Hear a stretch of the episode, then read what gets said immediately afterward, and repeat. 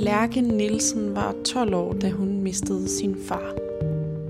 Det her det er anden del af hendes fortælling, så hvis du ikke har lyttet den første del, så hop ind og lyt den først. Hvad svarer man, når den motorsavkyndige til køreprøven spørger, hvad ens forældre laver?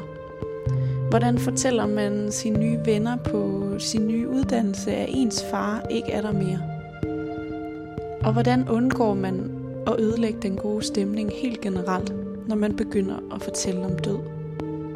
For Lærke, der er død og sorg en del af hende, og hun kan godt tåle, at folk spørger ind. Men hun oplever, at folk de afviger. Hvordan skal vi tale om det allersværeste? Det søger jeg svar på i Stigma i dag. Jeg er Miriam Leander Petersen. Velkommen til.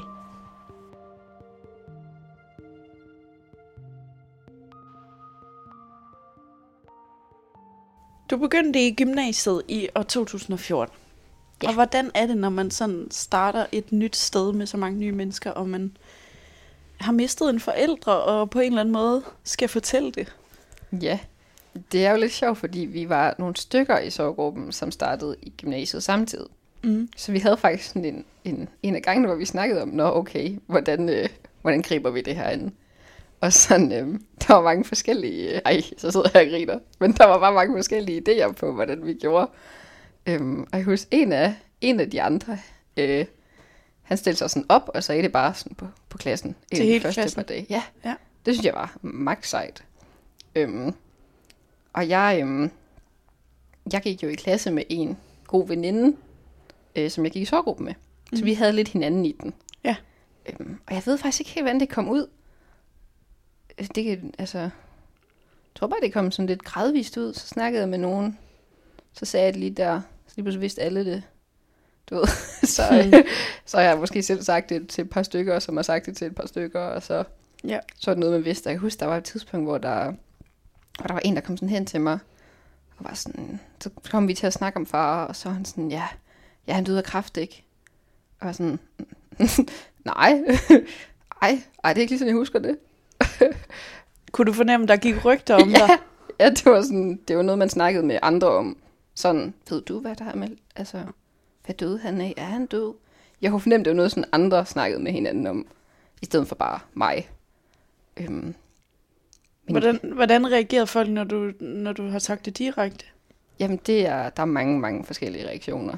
Det er, altså, åh, jeg har jo efterhånden sagt det til mange, men øhm, det bliver ofte, der ofte, man siger jo ofte sådan, man, så kommer man ind i en samtale, og så siger jeg, Nå, jamen, han døde desværre, da jeg var 12 år gammel.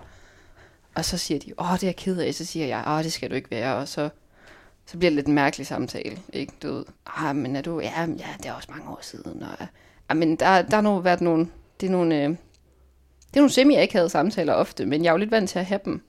Der er også, øh, jeg havde en, øh, en, øh, en lidt sjov øh, samtale med en fyr på et tidspunkt, hvor at vi kommer til at snakke, og jeg får lige, altså, det er jo det, man kan jo ikke rigtig komme udenom det, hvis man rammer ind i emnet, så kan jeg jo ikke bare sidde og lyve og sige, at han lever. Nej. Så jeg siger jo, at han er desværre død.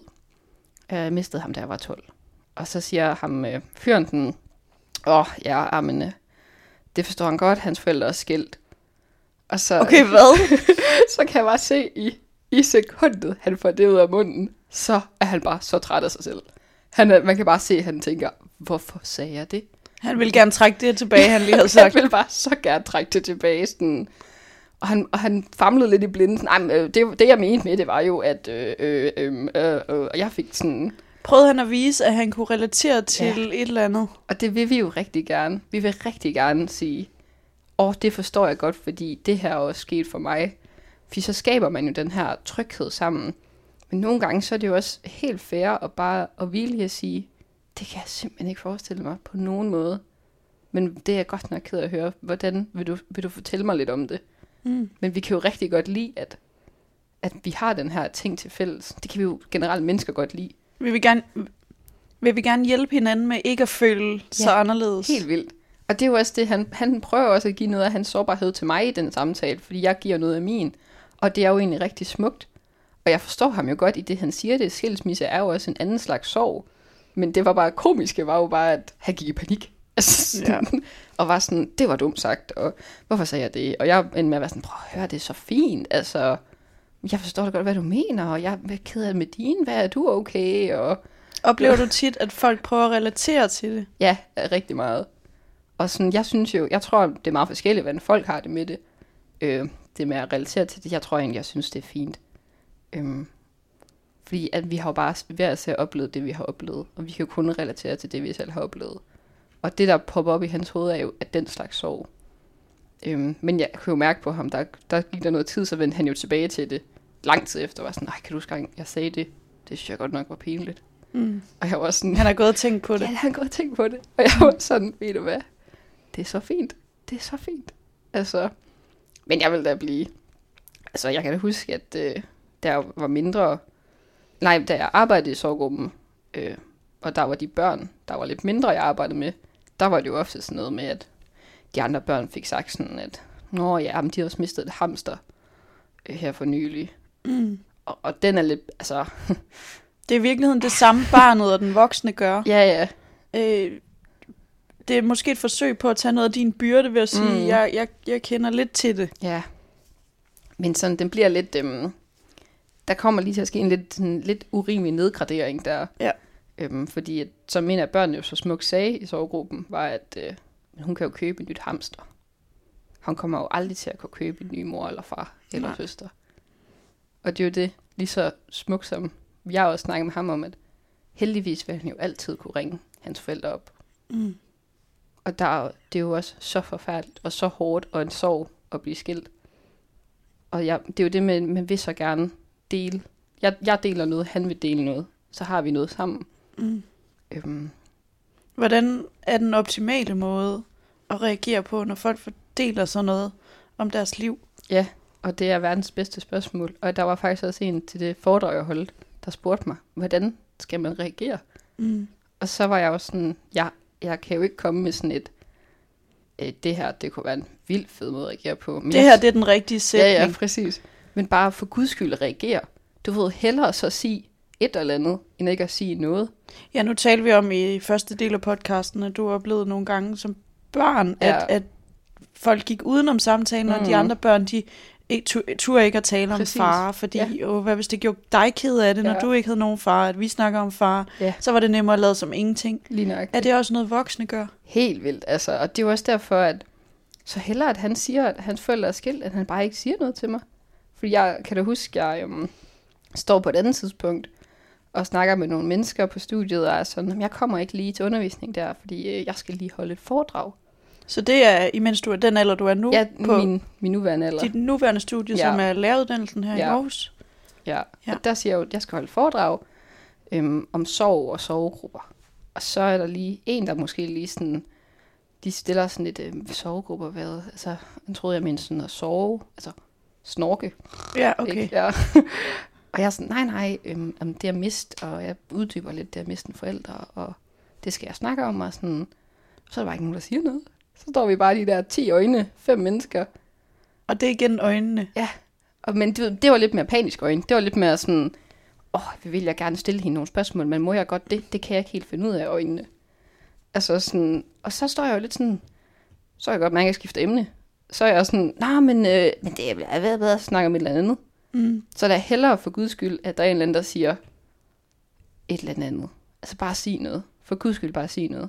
Og spørg, hvis det er. Ja, Jamen bare måske også have tiltroen til det menneske, godt selv kan sætte sine egne grænser, hvis det er.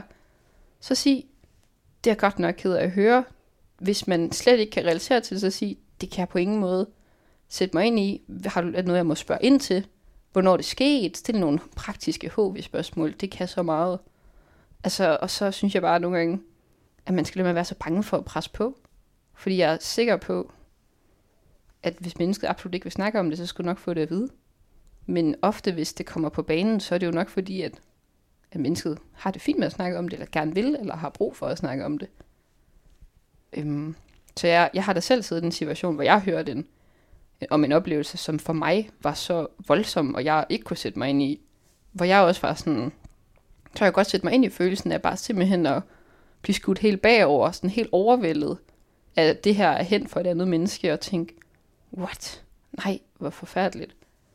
Men det eneste, jeg tænkte, var bare, du skal bare sige noget, Lærke, og du skal bare spørge om noget, og du skal bare ligne en, der gerne vil være en del af den her samtale. Så det gjorde jeg. Altså, og jeg gjorde mit absolut bedste. Og jeg kan da huske, vi snakkede om senere, at hun var bare så glad for, at jeg, jeg sagde noget og gjorde noget, for hun havde samme oplevelse. Så stoppede man bare med at snakke om det, fordi det er simpelthen, det, det, det er det der med sådan, så bliver det grænseoverskridende for modtageren.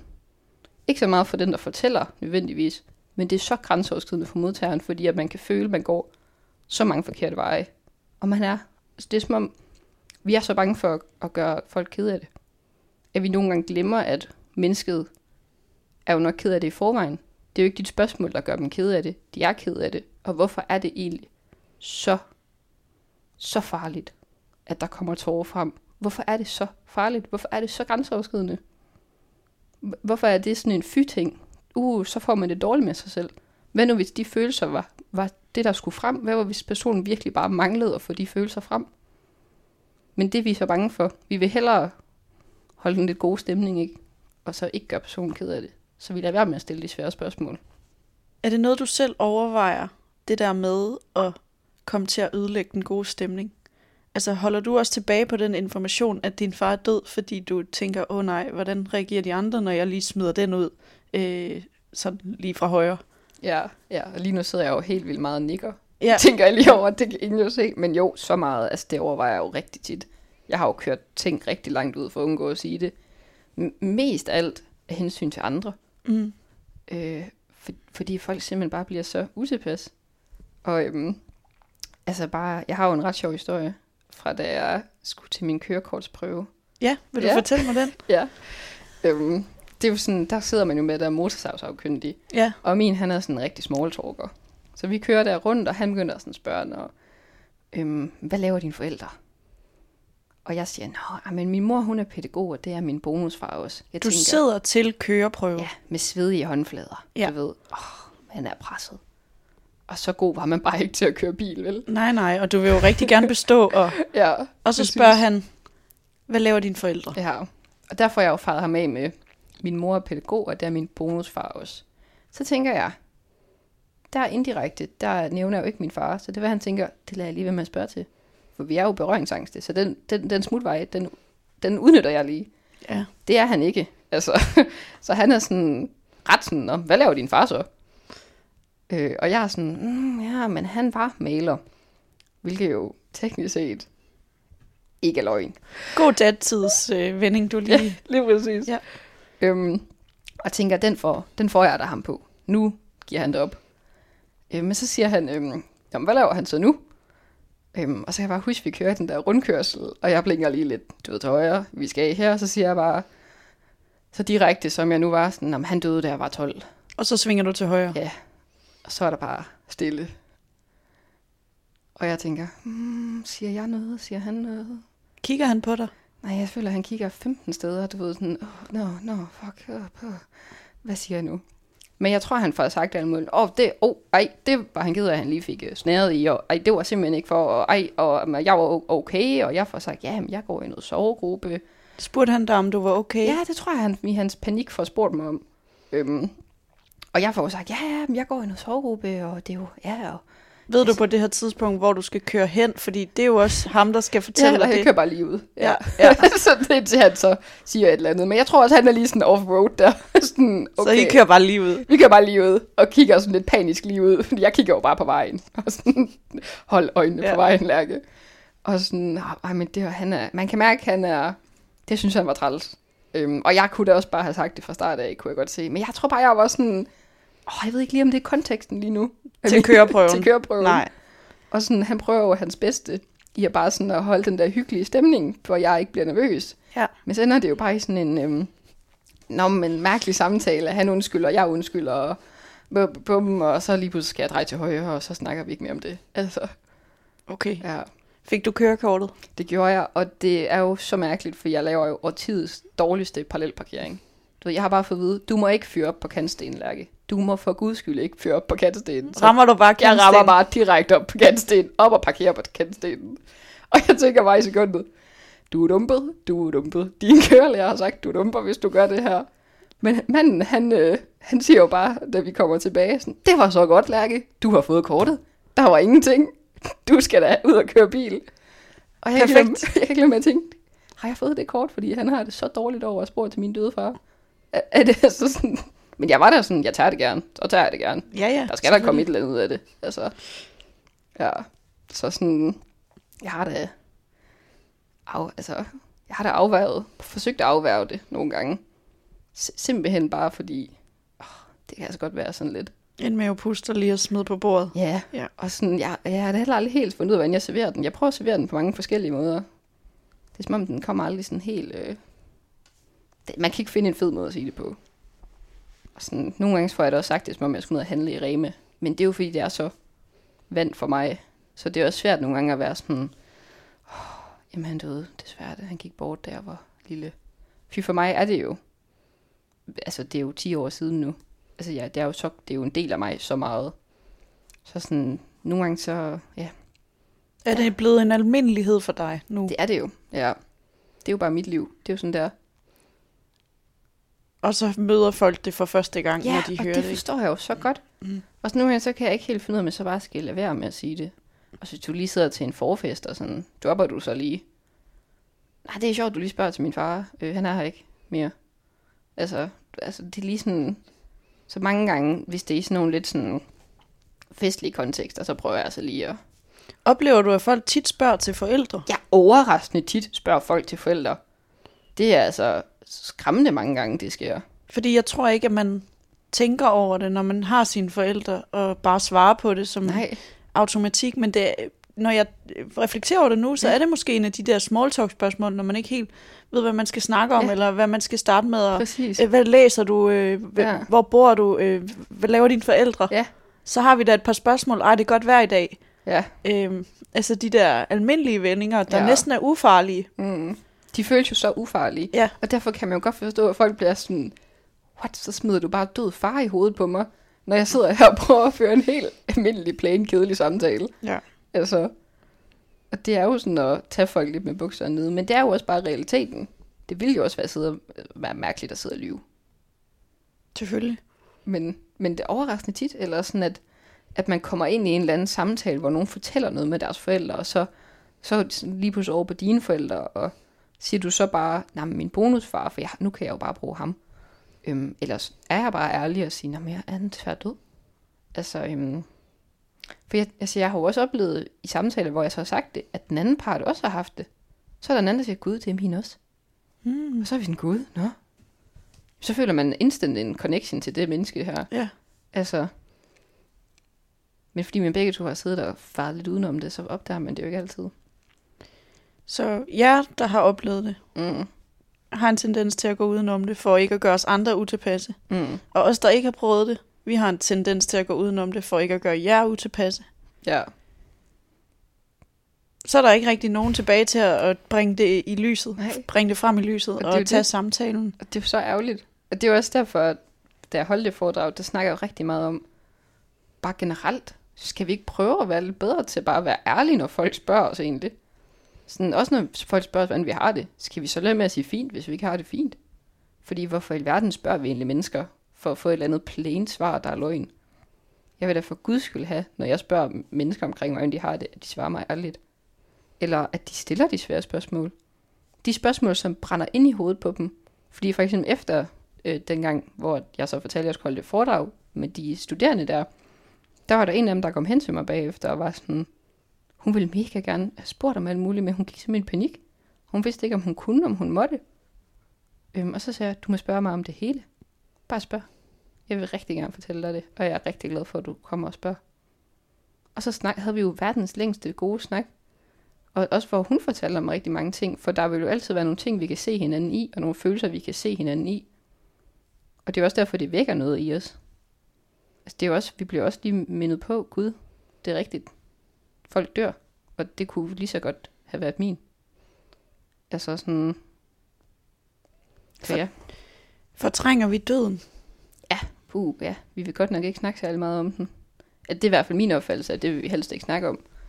Øhm, og det er jo også fordi, at det er noget, jeg synes er spændende, at jeg oplever, at, at vi ikke har lyst til at snakke om, vi har ikke lyst til at forholde os til det.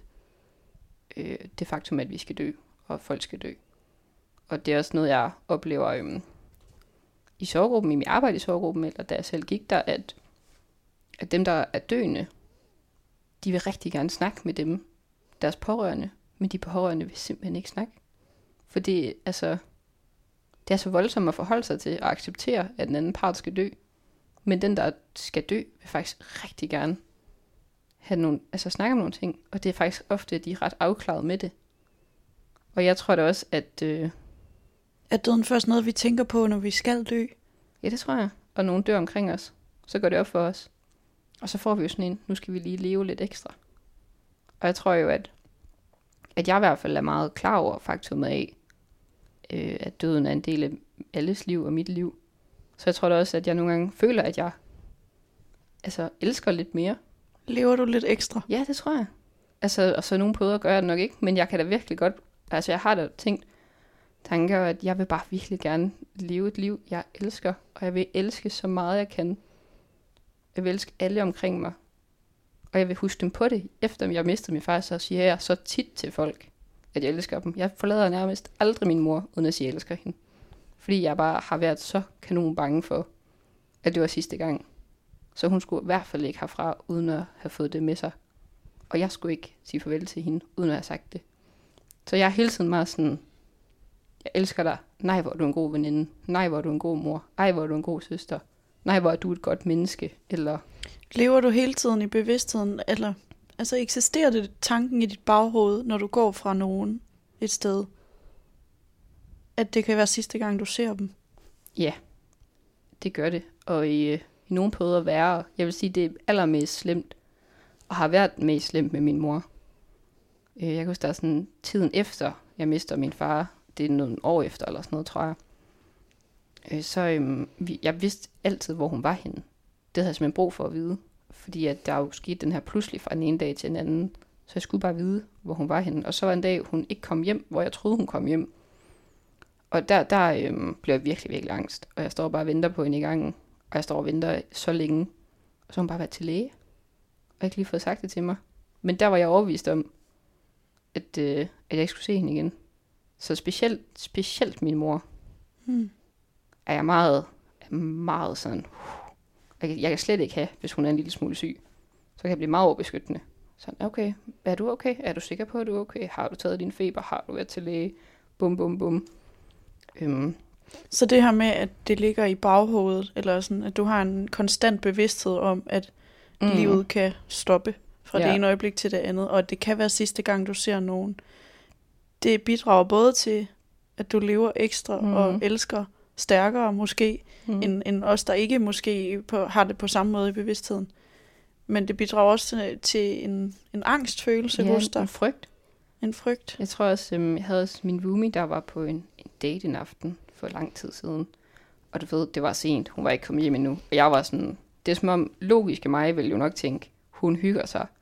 Irrationel mig, der er bange for at miste nogen, er sådan, der er sket noget. Mm. Altså, så jeg skal virkelig sådan øhm, kæmpe mig selv for ikke at bumpe hende med opkald. Altså, fordi jeg bliver så... Øh, altså, det er rent fysisk, bliver jeg bare utilpas. Mm. Øhm, og det er noget, jeg har arbejdet meget med. At sådan ligge på ro. Fordi jeg, jeg ved jo ikke, jeg ved jo ikke, hvad der kommer til at ske i morgen. Så jeg tror, jeg har fundet sådan en, en god ro i mig, at jeg ved ikke, hvad der sker i morgen. Jeg ved ikke, der sker om en uge. Men jeg vil bare rigtig gerne leve et rigtig rart liv. Og så tror jeg nogle gange, jeg også bedre kan tænke, nå okay, så var det måske heller ikke værre.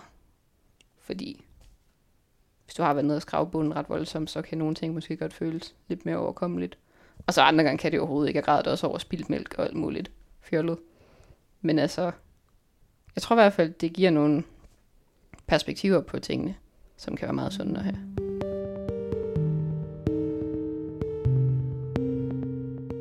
Du har jo sjældent kontrollen i det her liv. Øhm, men noget i mig vil rigtig gerne prøve at tage kontrollen, så godt jeg kan. Og så prøve at hvile i ikke at have kontrollen. Øhm, og jeg kan mærke, at jeg, jeg har meget brug for at være ærlig. Jeg er meget sådan, det her føler jeg, og det vil jeg gerne have, du ved. Øhm, og jeg er meget sådan, jeg har rigtig meget brug for, at mennesker omkring mig har det godt. Og jeg tror, det er, fordi jeg har så meget brug for, Øh, jeg ved det ikke, øh, men sådan, jeg vil rigtig gerne have, at, at de ikke står i den situation, jeg har stået i, hvor jeg havde brug for, at nogen pressede mig og spurgte ekstra hårdt ind til mig, øh, men ikke gjorde det. Så nogle gange så jeg godt sådan påtage mig den rolle at gøre det mod andre. Og stille de der ekstra presserende spørgsmål. I, og jeg tømmer også dybt nogle gange, og ved da ikke, om det er rigtigt, det jeg spørger om. Men der er bare noget i mig, der har brug for at gøre det, fordi at jeg manglede det selv, da jeg var mindre. At nogen turde at stille de svære spørgsmål. Så det er som om, det blev lidt sådan, at det vil jeg bare. er det derfor, du arbejder i sorggruppen og har holdt det her Ja. foredrag? Det tror jeg. Jeg tror, det er for sorggruppen i særdeleshed for at vise de børn, at, øh, at der også øh, venter et rigtig, rigtig dejligt liv fremover. For det kan da være afsindigt svært at forestille sig. Det kunne jeg da overhovedet ikke forestille mig. Jeg har da aldrig forestillet mig det her. Altså sådan overhovedet ikke. Hvad siger du til sådan et barn i sorggruppen? Det, altså, jeg siger jo faktisk ikke så meget, men jeg stiller dem mange spørgsmål. Så spørger man jo ind til de tanker, de siger, og prøver at få dem til at sætte flere ord på det. Det med at prøve at give dem et sprog for sorg, og give dem et sprog for, hvad det er, de føler. Og at ingen følelser er forkerte. Du må føle alt det, du føler. Det må du altid. Og det skal der være plads til.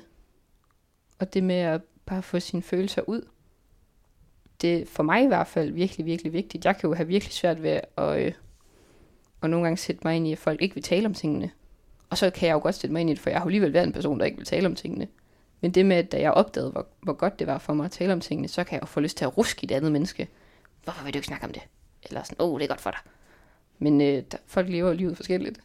Og sådan, eller også, som du selv siger, har de ikke sproget. ja, ellers så har de ikke sproget. Man kan jo ikke sige noget, hvis man ikke har sproget. Nej, hvis man ikke ved, hvordan man skal formulere sig. Nu starter du med at prøve at forsøge at give børnene sproget for at tale om livet og døden og alt det andet. men, øh, men vi voksne har vi et sprog for at tale om død. Mm, jeg synes jo, jeg holdt jo et oplæg også foran voksne udelukkende. Mm. Og der synes jeg, at det var meget spændende, fordi at, øhm, at mange af de ældre af dem, de har taget stilling til mange af tingene. De er godt klar over, at der er en endestation. Og det synes jeg var meget fascinerende på en eller anden måde. Men det, der rørte dem, var jo, at, at de var jo ikke klar over, at nogle af os unge også var det. For eksempel, de kiggede jo ikke på mig og tænkte, Nå, det er jeg ikke klar over. Øhm, men at, at det var meget spændende at snakke med dem, fordi de var så velovervejet omkring døden. Og turde godt snakke om det. I større grad jo ældre de var. Men jeg har også holdt et oplæg for nogle unge mennesker øhm, i 20'erne. Og de har jo langt sværere ved det at snakke om det. Og det er igen den der, jeg er så bange for at øh, træde forkert. Der var en pige, der kom ned til mig efter øh, foredraget og sagde, at hun har ikke selv mistet nogen, men hun synes, det havde været så givende, fordi at hun havde en veninde, der havde mistet for nyligt, og hun vidste ikke, hvad hun skulle gøre. Og hun havde bare tænkt, at hun ville gerne gøre noget, men så gjorde hun ikke noget, og det var virkelig givende for hende at høre det, for nu havde hun lyst til at prøve på at gøre et eller andet. Men det har hun ikke gjort før, for hun har ikke hørt nogen fortælle hende før, at, at det kunne være rart. Så det er jo sådan, det med, at man jo nok også, som den der sørger, ikke altid er klar over, at det er rart at blive presset. Man er jo ofte ikke klar over, når man har det rigtig dårligt i sit liv, og man har brug for noget øh, hjælp. Og der er jo rigtig mange af os, der også er svært ved at, at sige, at vi har brug for hjælp. Og så insistere på det. Så sådan, det, er jo virke, det er en virkelig, virkelig svær balance, fordi hvor meget må du pres? Det ved du jo ikke.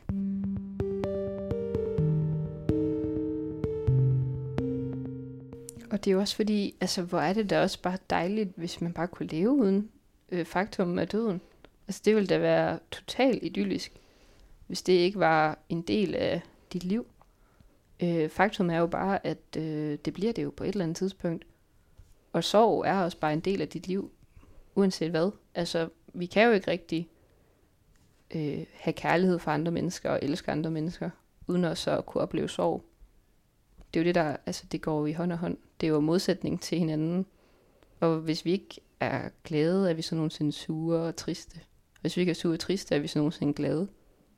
Jeg kan da godt forstå, at det der er meget rart ikke at forholde sig til det. Det er fordi, ikke, jeg siger, at folk skal gå og forholde sig til det, øh, til at man skal dø og sådan noget. Men jeg synes bare, for guds skyld forhold jer til, hvis I møder nogen, der har mistet. Så prøv at spørge. Prøv bare at forstå.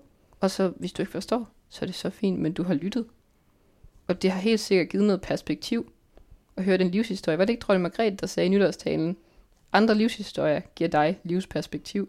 Så du bliver jo kun klogere af at lytte på andre, hvis du tør stille de her svære spørgsmål. Og ikke bare antage, om det vil de nok ikke snakke om. Eller, når hun ser da glad ud, så er hun nok aldrig nogensinde ked af det. Det er jo også sådan en ting. Man kan jo ikke altid se sorg. Ligesom man ikke kan se så mange andre ting. Men derfor er den der jo stadigvæk. Så sådan, det kunne bare være fedt, hvis man tænkte lidt mindre på, hvordan man selv så tingene, og bare prøvede bare slet rent tavle spørg. Bare spørg mennesket. Hvornår når vi derhen som samfund, at det er okay at spørge til ting, der, er, der bryder den gode stemning? Ja, det er et virkelig godt spørgsmål.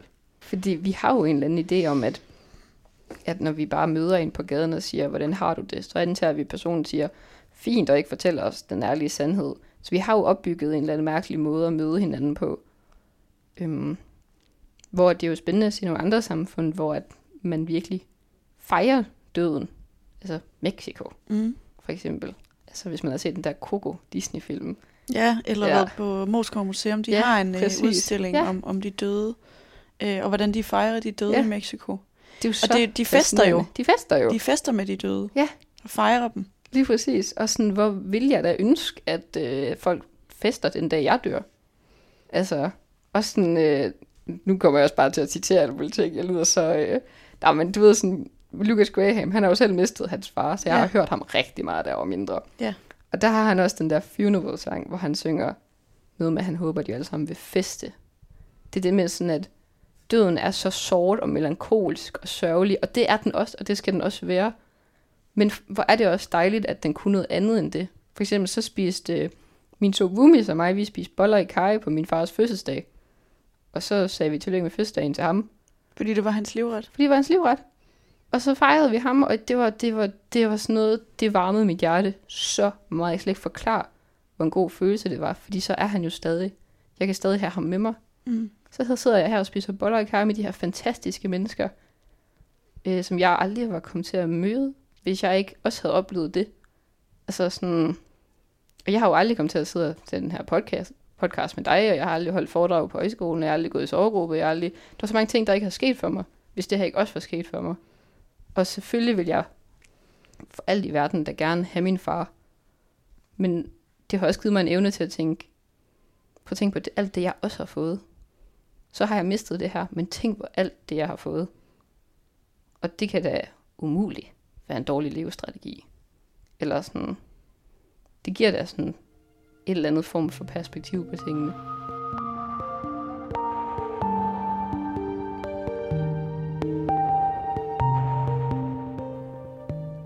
Det får lidt sådan en, alting sker af en grund vibe.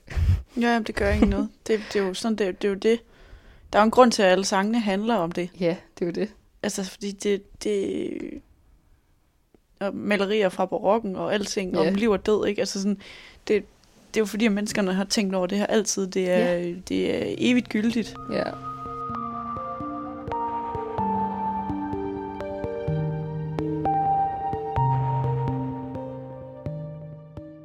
Du har fortalt mig, at din far også har et øh, gravsted, som du besøger. Hvad betyder det for dig? Øhm, jeg kan faktisk rigtig godt lide det. Det er sådan, hvis, øhm, hvis alting bliver alt for meget i mit hoved og i mit liv, og jeg bare har brug for en pause, så kører jeg ofte derud.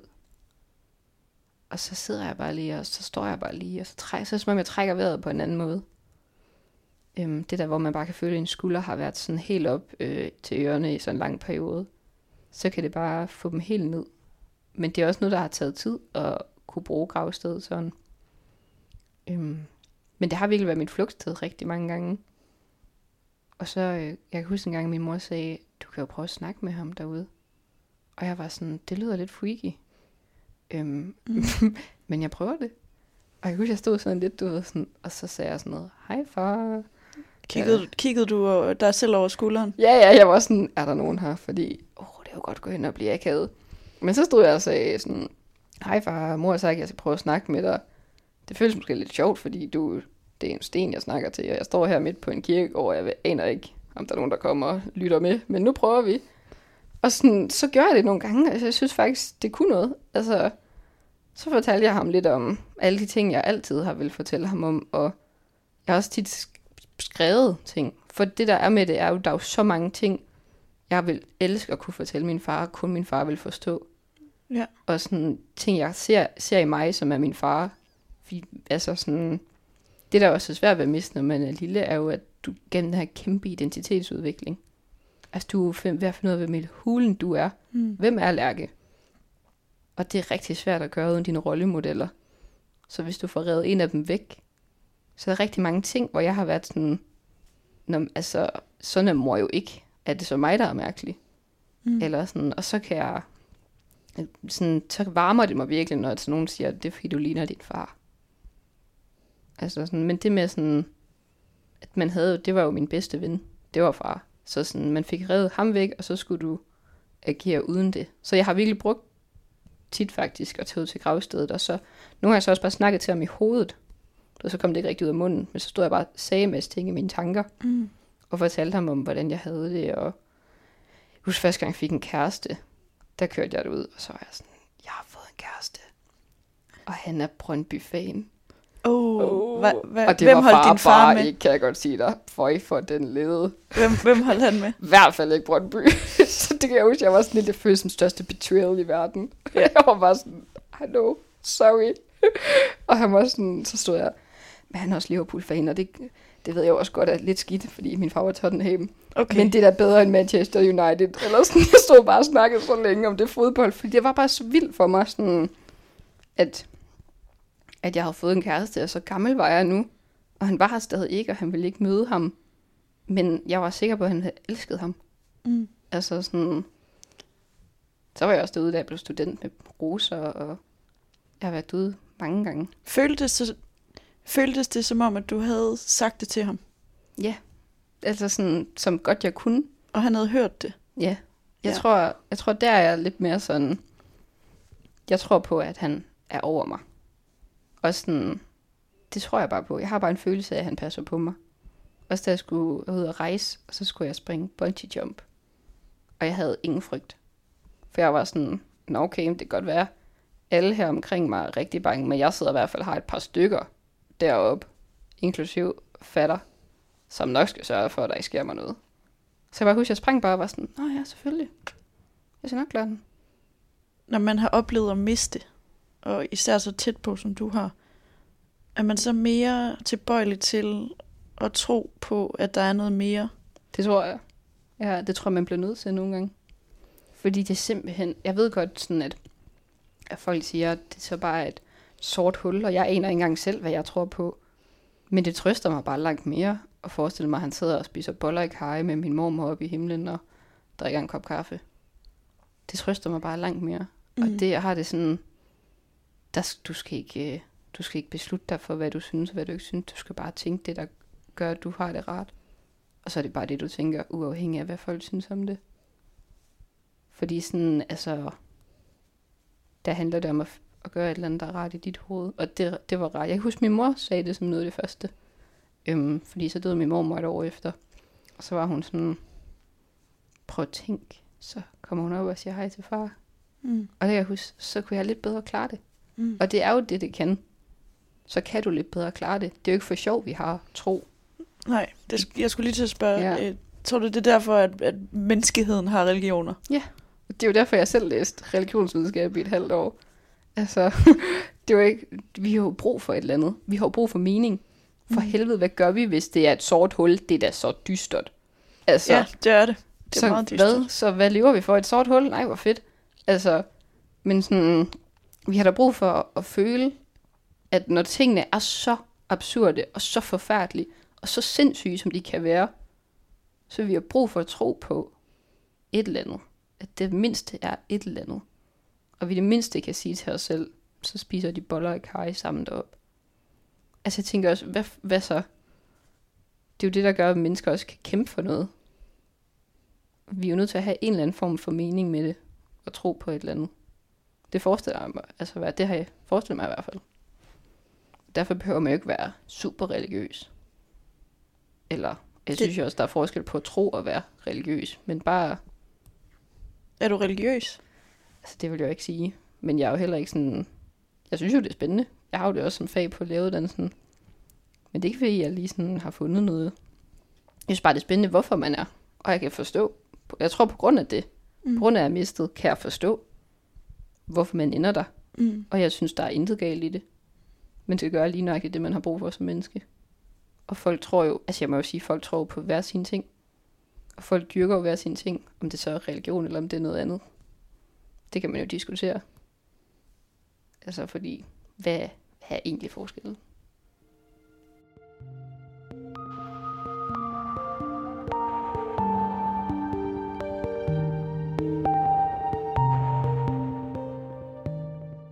Jeg ved, at du har holdt øh, et par foredrag om sorg. Hvad Mm. handlede de om? Og ja, hvad handlede de om? Jamen, de handlede jo om både min egen historie i forhold til sorg, omkring, hvordan folk omkring mig har reageret på det, og bare generelt, hvordan vi reagerer på sorg og død. Men sådan, jeg har oplevet i min tid, og hvordan jeg har haft det med sorg, og hvordan jeg har oplevet, at folk har haft det med min sorg. Du sagde, at der var et øh, Shakespeare-citat, som du virkelig synes giver mening. Vil du ikke læse det op for mig, hvis du har det? Jo, det vil jeg så gerne. Det lyder sådan her. Lad være at trække hatten ned i panden. Giv sorgen ord. Den sorg, der ikke taler, visker i det overbebyrdede hjerte og befaler det at briste.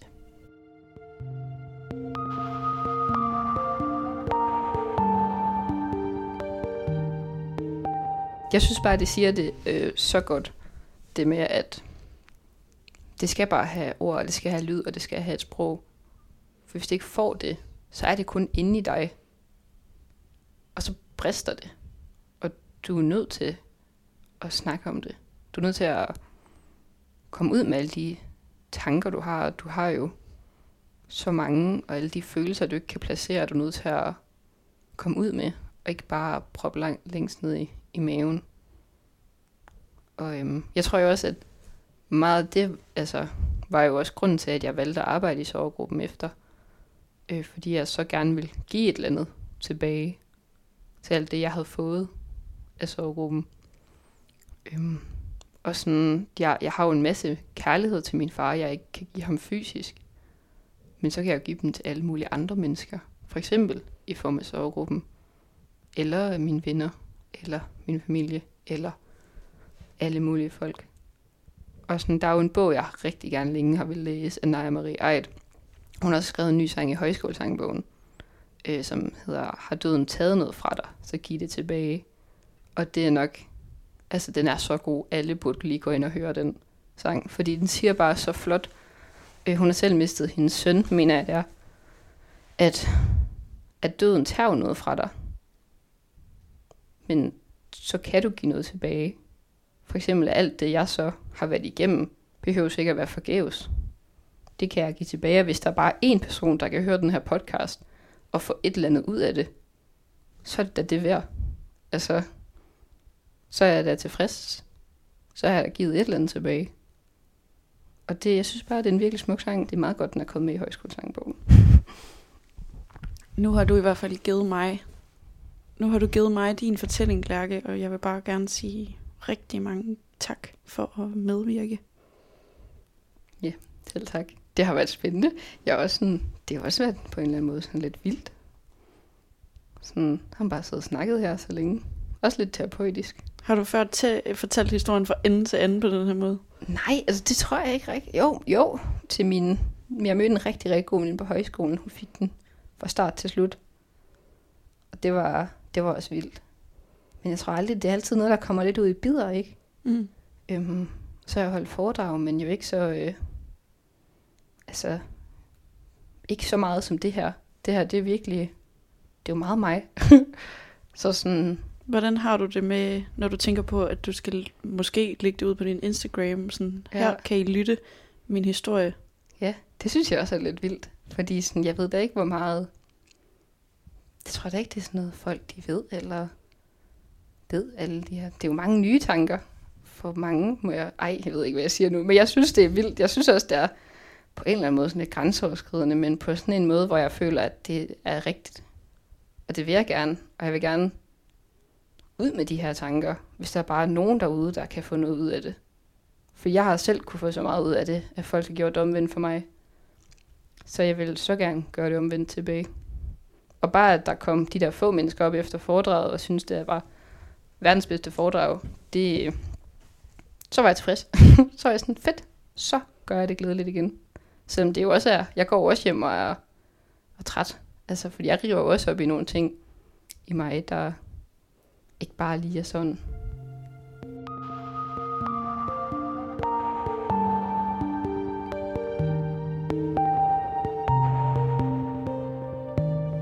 Det var anden del af Lærke Nielsens fortælling om at miste sin far. Hvis du kunne tænke dig at høre flere stigma-fortællinger, ja, så skal du altså bare søge på Stigma, der hvor du plejer at finde din podcast. Tak for nu. Du har lyttet til Stigma.